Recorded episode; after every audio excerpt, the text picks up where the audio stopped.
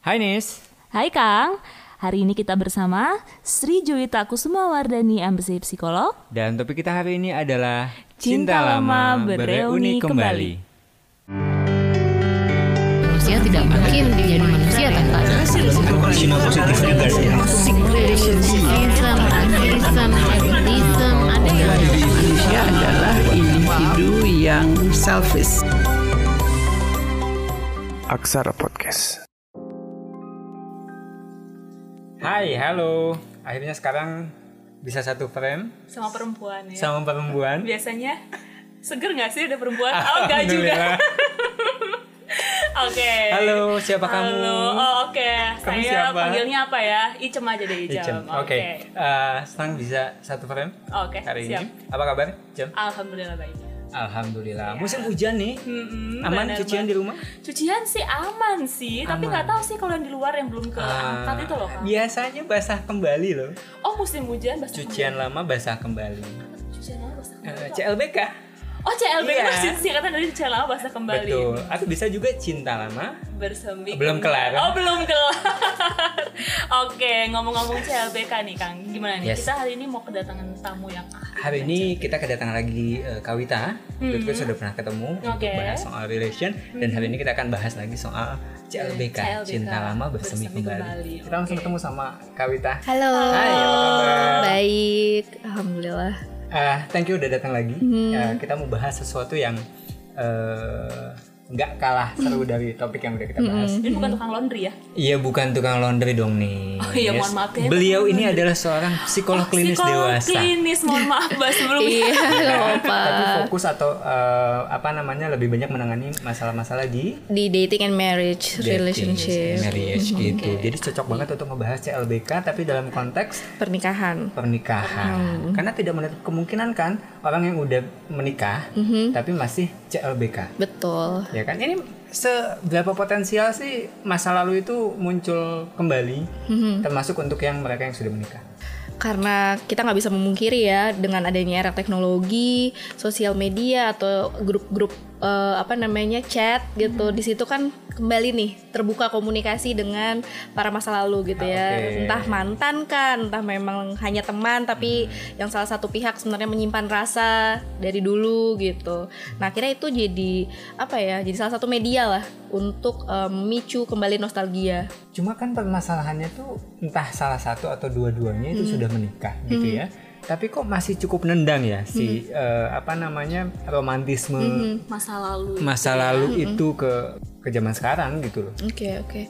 Em, ya karena kebanyakan para pasangan gitu ya, terutama yang sudah punya anak, apalagi kalau anaknya makin lama makin banyak gitu ya, em, lupa untuk mengik apa ya memperekat hubungannya gitu ya, menjaga kemesraan.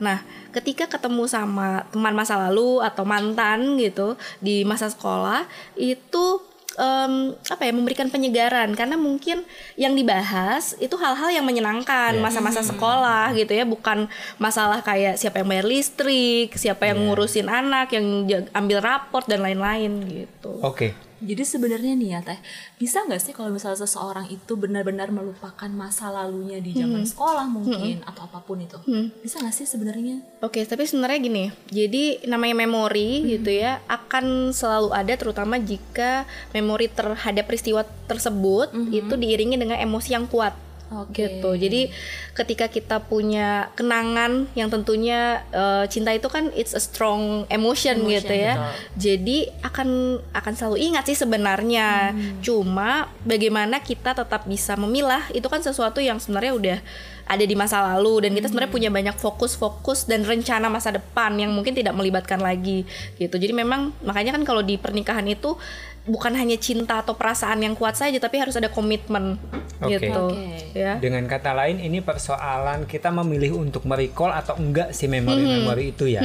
Nah, kalau kemudian ternyata nggak sengaja ke recall, eh kecolek nih gitu. Iya, ya kan? muncul tuh Nah, ingatan-ingatan ya. eh, kira-kira gimana caranya kita ngerem eh, yang udah ke recall itu? Oke. Nah, memang sebaiknya sebaiknya di awal gitu ya, di awal sebelum menikah atau di awal-awal pernikahan kita punya batasan yang cukup jelas, yang tegas dengan pasangan nih. Kalau nanti berhubungan dengan lawan jenis, siapa pun itu bentuknya gitu ya, mau seperti apa sih batasannya? Gitu. Jadi misalkan mm, kalau sama teman kerja ya pasti dong misalkan harus jawab WhatsApp, harus jawab telepon, tapi sampai jam berapa katakanlah begitu. Atau mungkin untuk uh, on weekend mm, nggak boleh ya kan bisa masih ditahan misalkan kalau kerjaannya nggak terlalu urgent gitu. Nah itu harus ada penjelasan yang jelas tuh di awal. Nah tapi kalau misalkan teman sekolah atau mantan, nah itu kesepakatan pasangan sih kira-kira kan mungkin gini level mantan juga macam-macam nih. Ada yang memang Iya. mantannya berkesan banget, ada, mantan yang terindah, ada mantan yang gak indah-indah banget. Indah atau ya aja. ya nggak indah sama sekali gitu kan. Jadi ya itu balik lagi kesepakatan kedua belah pihak. Harusnya ada. Nah kalaupun sudah em, terlanjur belum ada kesepakatan terus tahu-tahu kecolek gitu ya. Nah kita ya perlu jujur sih sebenarnya sama pasangan. Kalau hubungan kita memang sama pasangan itu sehat. Nah masalahnya kalau nggak sehat jadi ya mungkin jadinya malah jatuh di lubang tersebut Oke, jadi kalau kita ngomongin salah satu penyebab kenapa CLBK dalam Mhm. uh, pernikahan itu adalah karena uh, tingkat sehat apa enggaknya gitu ya. Mhm. Uh, apa namanya pernikahan yang Pernikahan itu dengan pasangannya ya. betul. Itu mungkin salah satu ya. betul Ada hal Salah yang lainnya. salah yang lainnya Faktor apa? yang lainnya. Hmm, Oke, jadi katakanlah sebenarnya hubungannya sehat gitu ya. Iya. Tapi kok bisa sih tetap tergoda? Ya balik lagi ya, memang kan mm, pernikahan itu nggak lepas dari godaan juga sih, gitu.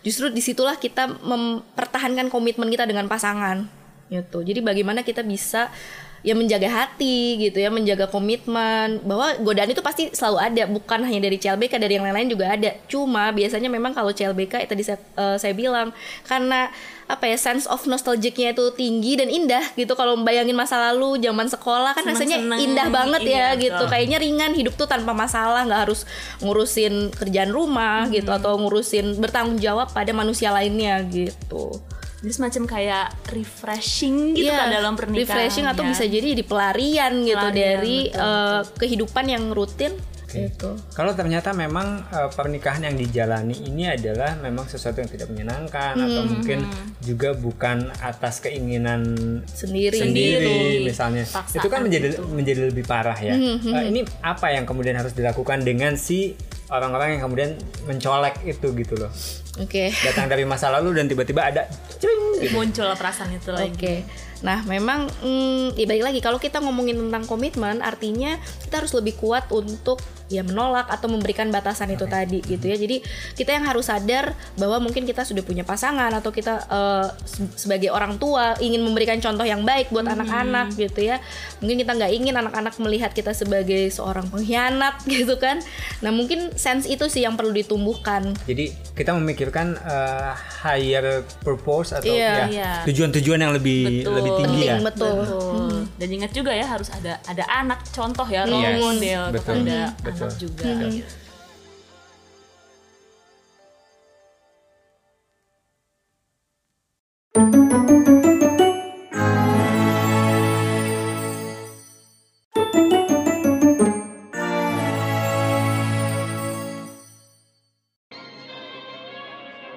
Ya, jadi kalau di segmen sebelumnya kita udah Mhm. bahas soal eh, apa sih yang menyebabkan CLBK, CLBK itu, itu.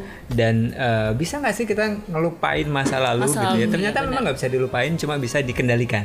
Apalagi masa lalu yang ada hubungannya sama strong emotion Yes, tadi ya. betul karena Oke. strong emotionnya tadi. Nah, eh, kita juga tadi sempat ngebahas soal kita memang harus ngerem dengan Mhm. mengingat hal-hal yang memang menjadi prioritas dalam hidup. Mhm. Nah, masalahnya sekarang kalau yang satu sudah bisa eh, ngerem, Hmm. yang satu ngerem nih, Oke. yang satunya lagi Aha. ngegas terus. Ngegas terus gaspol nih Gaspol. ceritanya. Nah, itu gimana? Oke. Nah, memang tergantung kondisinya lagi nih ya. Kalau yang ngerem itu memang sudah terpenuhi kebutuhannya dari rumah tangganya, biasanya akan lebih mudah untuk menolak gitu. Tapi kalau misalkan memang rumah tangganya itu juga tidak memenuhi kebutuhan emosionalnya, tidak diperhatikan oleh suaminya gitu ya, atau tidak diperhatikan oleh istrinya, em, lama-lama mungkin godaan itu bisa meluluhkan di satu titik tertentu gitu. Karena akhirnya ya kita nggak bisa memungkiri kita membutuhkan kebutuhan emosional tersebut atau perasaan diperhatikan disanjung dipuji gitu. Jadi memang ketika kita tahu nih oh ini udah potensi konflik gitu ya tadi seperti dibilang ya udah kita harus tegas sih nah kadang banyak terutama kita kan budaya timur ya kayaknya Iya. tuh nggak enak gitu nolak-nolak Betul. gitu ah sama, sama teman masa diblokir sih gitu Iya. ya nggak enak kasihan dan lain-lain nah lebih nggak enak sama temennya atau lebih nggak enak kalau rumah tangga kamu jadi hancur gitu sih. Jadi kita harus sebagai orang dewasa harus punya prioritas gitu. Apalagi nih apalagi kalau misalkan yang ngegoda kita itu sebenarnya itu dari pihak laki-lakinya. Jadi ini perempuan yang digodanya. Kadang itu kebanyakan nih ya kebanyakan kasus ketika si istri mengetahui si istri dari yang pria ini mengetahui tetap yang disalahkan perempuannya padahal Oke. perempuannya itu sudah tidak uh, menyambut gitu atau merespon. Tapi tetap nanti disangkanya karena sekarang kan lagi zaman nih disebut pelakor gitu ya.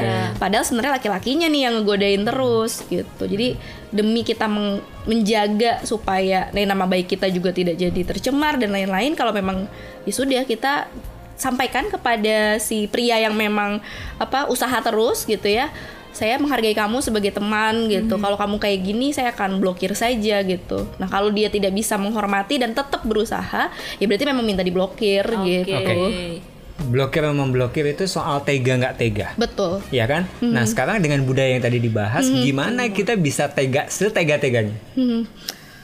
Ya itu sih mengingat apa yang lebih penting buat kita gitu. Oke. Suami kita kah, apa pasangan kita kah, terus anak-anak kita kah gitu ya. Jadi em, ya istilahnya itu kan cuma teman masa lalu gitu ya. Kecuali memang nih berat, lebih berat kalau kita memang punya hubungan pekerjaan itu lebih lebih susah tuh kan mungkin harus cabut dari pekerjaan tersebut.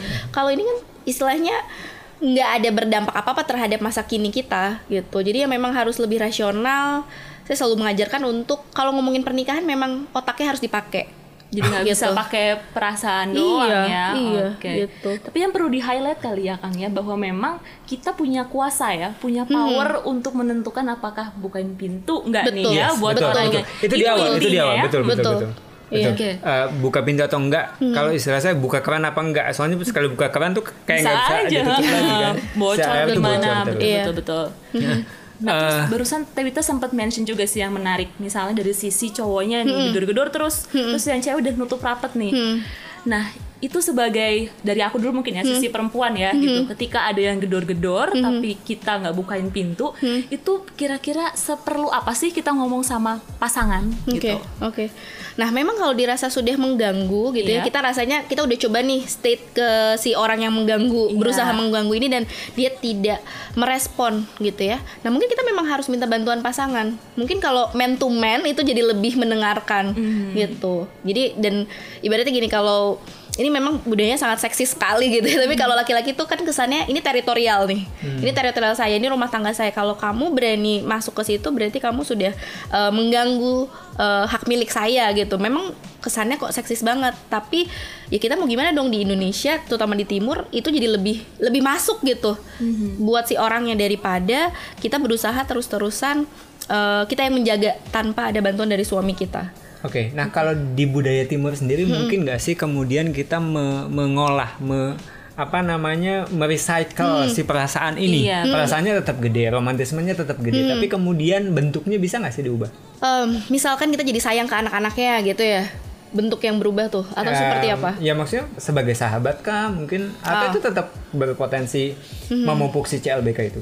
kalau memang sudah ada perasaannya gitu ya it's nonsense bilang itu sahabat sih Ah, oke. karena pasti tetap nggak akan sulit sekali untuk bisa mengontrol Itu eh, termasuk perasaan buka celah itu. berarti ya, iya, buka iya. keran tadi ya. Oke, oke. Berarti memang ketika itu sudah muncul ya memang berarti harus mengkat hubungan kah atau gimana?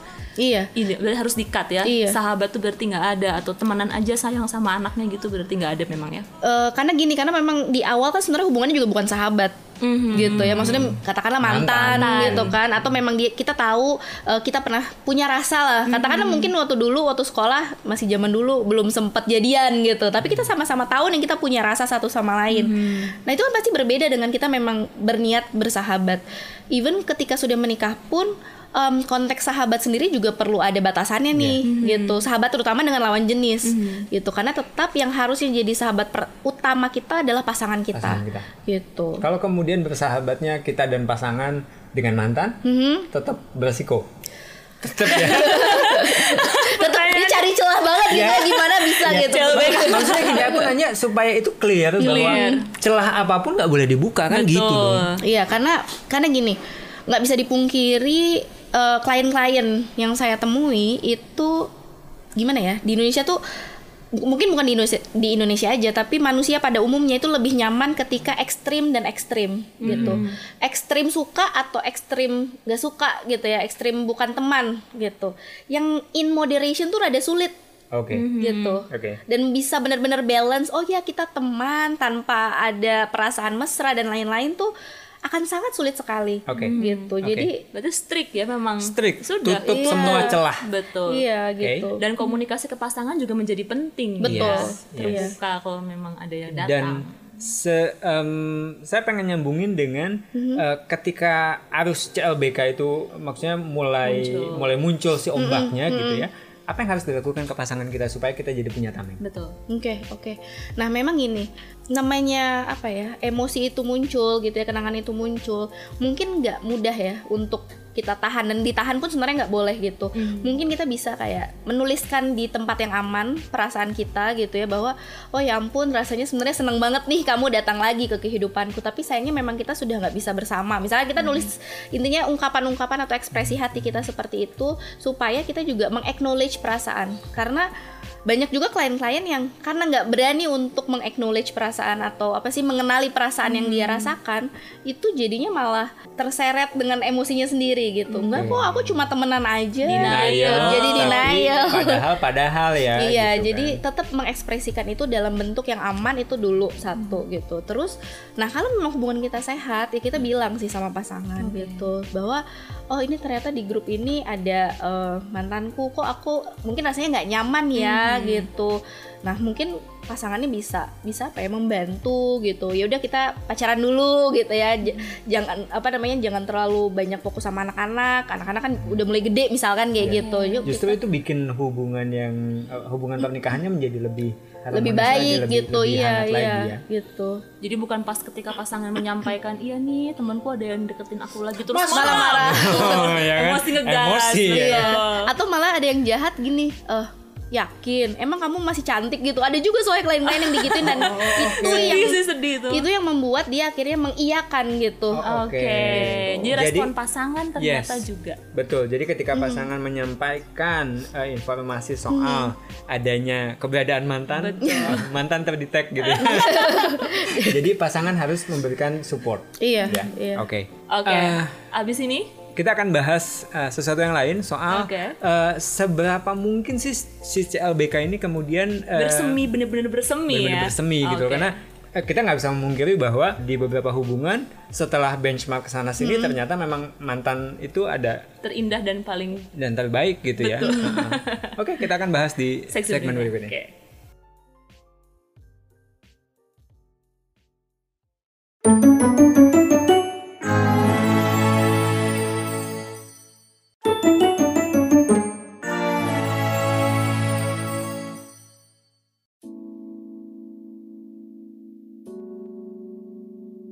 Oke. Oke, sekarang kita juga nggak bisa memungkiri bahwa Hmm. misalnya dalam satu hubungan pernikahan, Hmm. ini udah banyak banget konfliknya, tiba-tiba di momen itu si mantan ini Datang. muncul. Assalamualaikum. Nah, eh, apa yang kemudian eh, berpotensi terjadi dalam kondisi seperti itu? Oke, ada beberapa potensi sih ya. Gitu. Bisa jadi justru datangnya mantan itu menjadi turning point buat si pasangan untuk memperbaiki hubungan eh, rumah tangganya gitu. Karena sadar, oh, ternyata pasangan saya masih diinginkan oleh orang lain ya gitu dan saya ternyata masih sangat sayang. Saya nggak rela kalau pasangan saya diambil orang, lain. Jadinya mau memperbaiki em, pernikahan tersebut gitu. Tapi bisa juga jadinya ya mungkin si mantan ini si CLBK ini yang menang gitu ya. Karena memang oh udah nggak bisa diselamatkan nih rumah tangganya gitu. Tapi kan kalau kayak gitu malah syarat dan ketentuan berlaku dong. gimana tuh maksudnya? Maksudnya Kayak Indomie. eh, ketika misalnya ya udahlah kita menangin CLBK aja Hmm, gitu. Berarti kan dari sisi sebelah sono juga harus me- meninggalkan, meninggalkan pernikahannya pasangan, gitu iya. ya. Nah memang harus ditanya sih ya. Em, banyak yang klien-klien ketika aku kayaknya lebih bahagia deh mbak sama mantanku atau sama si pasanganku yang si selingkuhan dari CLBK ini gitu. So aku bilang em, ya namanya juga lagi pacaran, lagi selingkuh itu kan maksudnya proses pacarannya pasti yang indah-indah Indah-indah, dong gitu. Nanti ketika nikah ya sama lagi kok gitu, pasti akan ketemu tantangan lagi dan belum tentu itu jadi sesuatu yang lebih baik dari pernikahan yang sekarang. Oke. Oke. Balik lagi ke konsep bagaimana kita mengingat tujuan-tujuan yang oke. lebih Iya, tinggi ya. betul. Uh, dan uh, jangan cuma dari satu sisi. Betul. Tapi jadi ada yang menarik loh Kang Teh. Misalnya gini Mbak, Hmm. eh, berpotensi keluarganya lagi carut marut nih, terus datang nih angin segar ya mantan Hmm. Datang.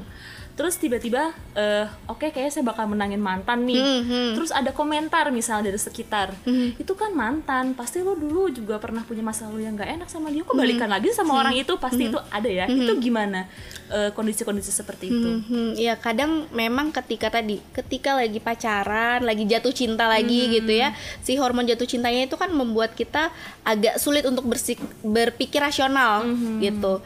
Nah, jadi mungkin pernyataan-pernyataan dari lingkungan sekitar nggak terlalu didengarkan, Nggak didengerin gitu. ya. Atau ada juga kemungkinan em, yang ketiga nih tadi belum disampaikan bahwa tetap punya pasangan di luar pernikahan, Oke. tapi tetap menikah gitu.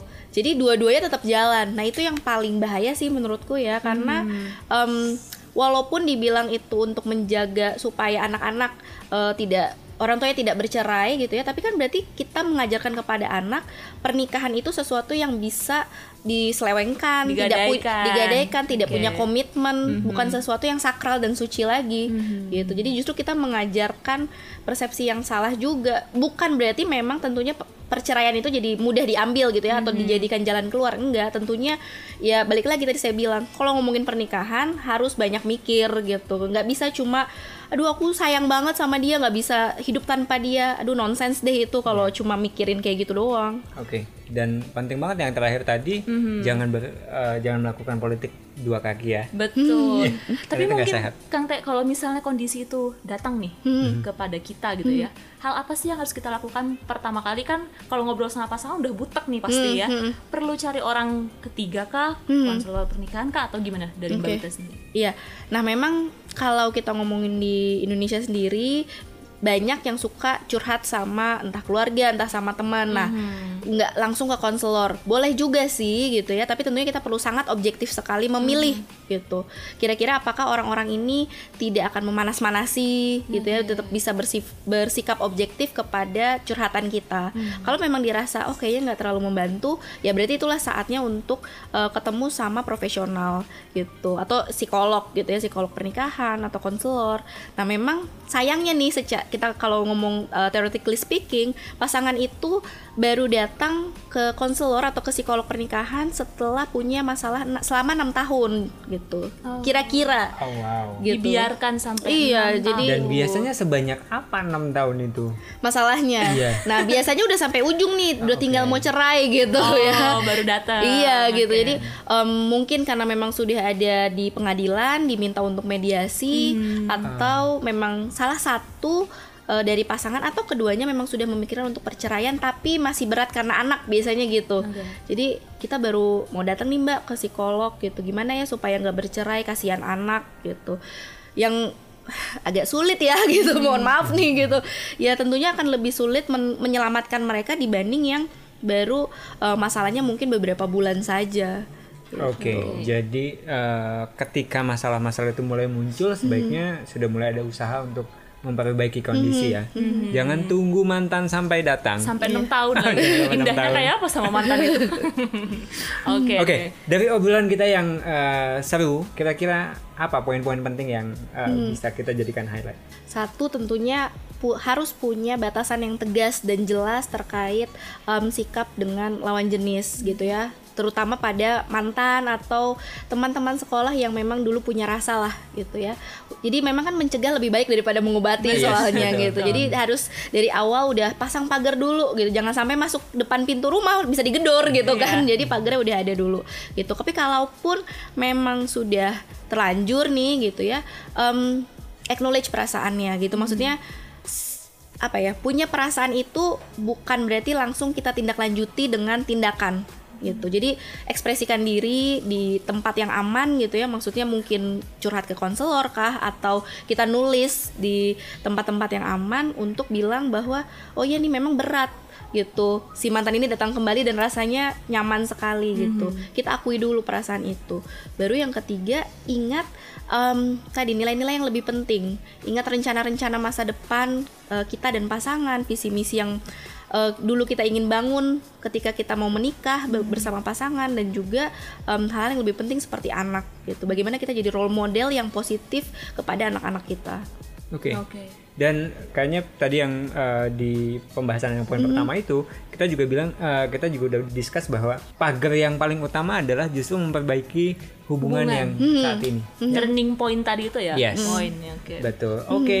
Seru banget ya. Aku terharu loh akhirnya. Endingnya kayak semacam oh nyata Oke. gitu ya cara menghadapi. Yes. Dan eh, arahnya lebih ke bagaimana kita memperbaiki hubungan Arahnya positif ya ke berarti hubungan ya. yang sehat, betul ya kan? Jadi jangan selalu CLBK tuh dipandangnya tuh merusak rumah Yes. tangga. Siapa tahu itu adalah eh, ya itu tadi trigger kesempatan gitu ya. kesempatan untuk memperbaiki pernikahan kita. Yes, betul. Betul. Wow, thank you banget. Banget. Thank Ya, you, udah diajakin Buat lagi. Sama-sama mudah-mudahan masih ada episode-episode berikutnya dengan Amin. Kawita.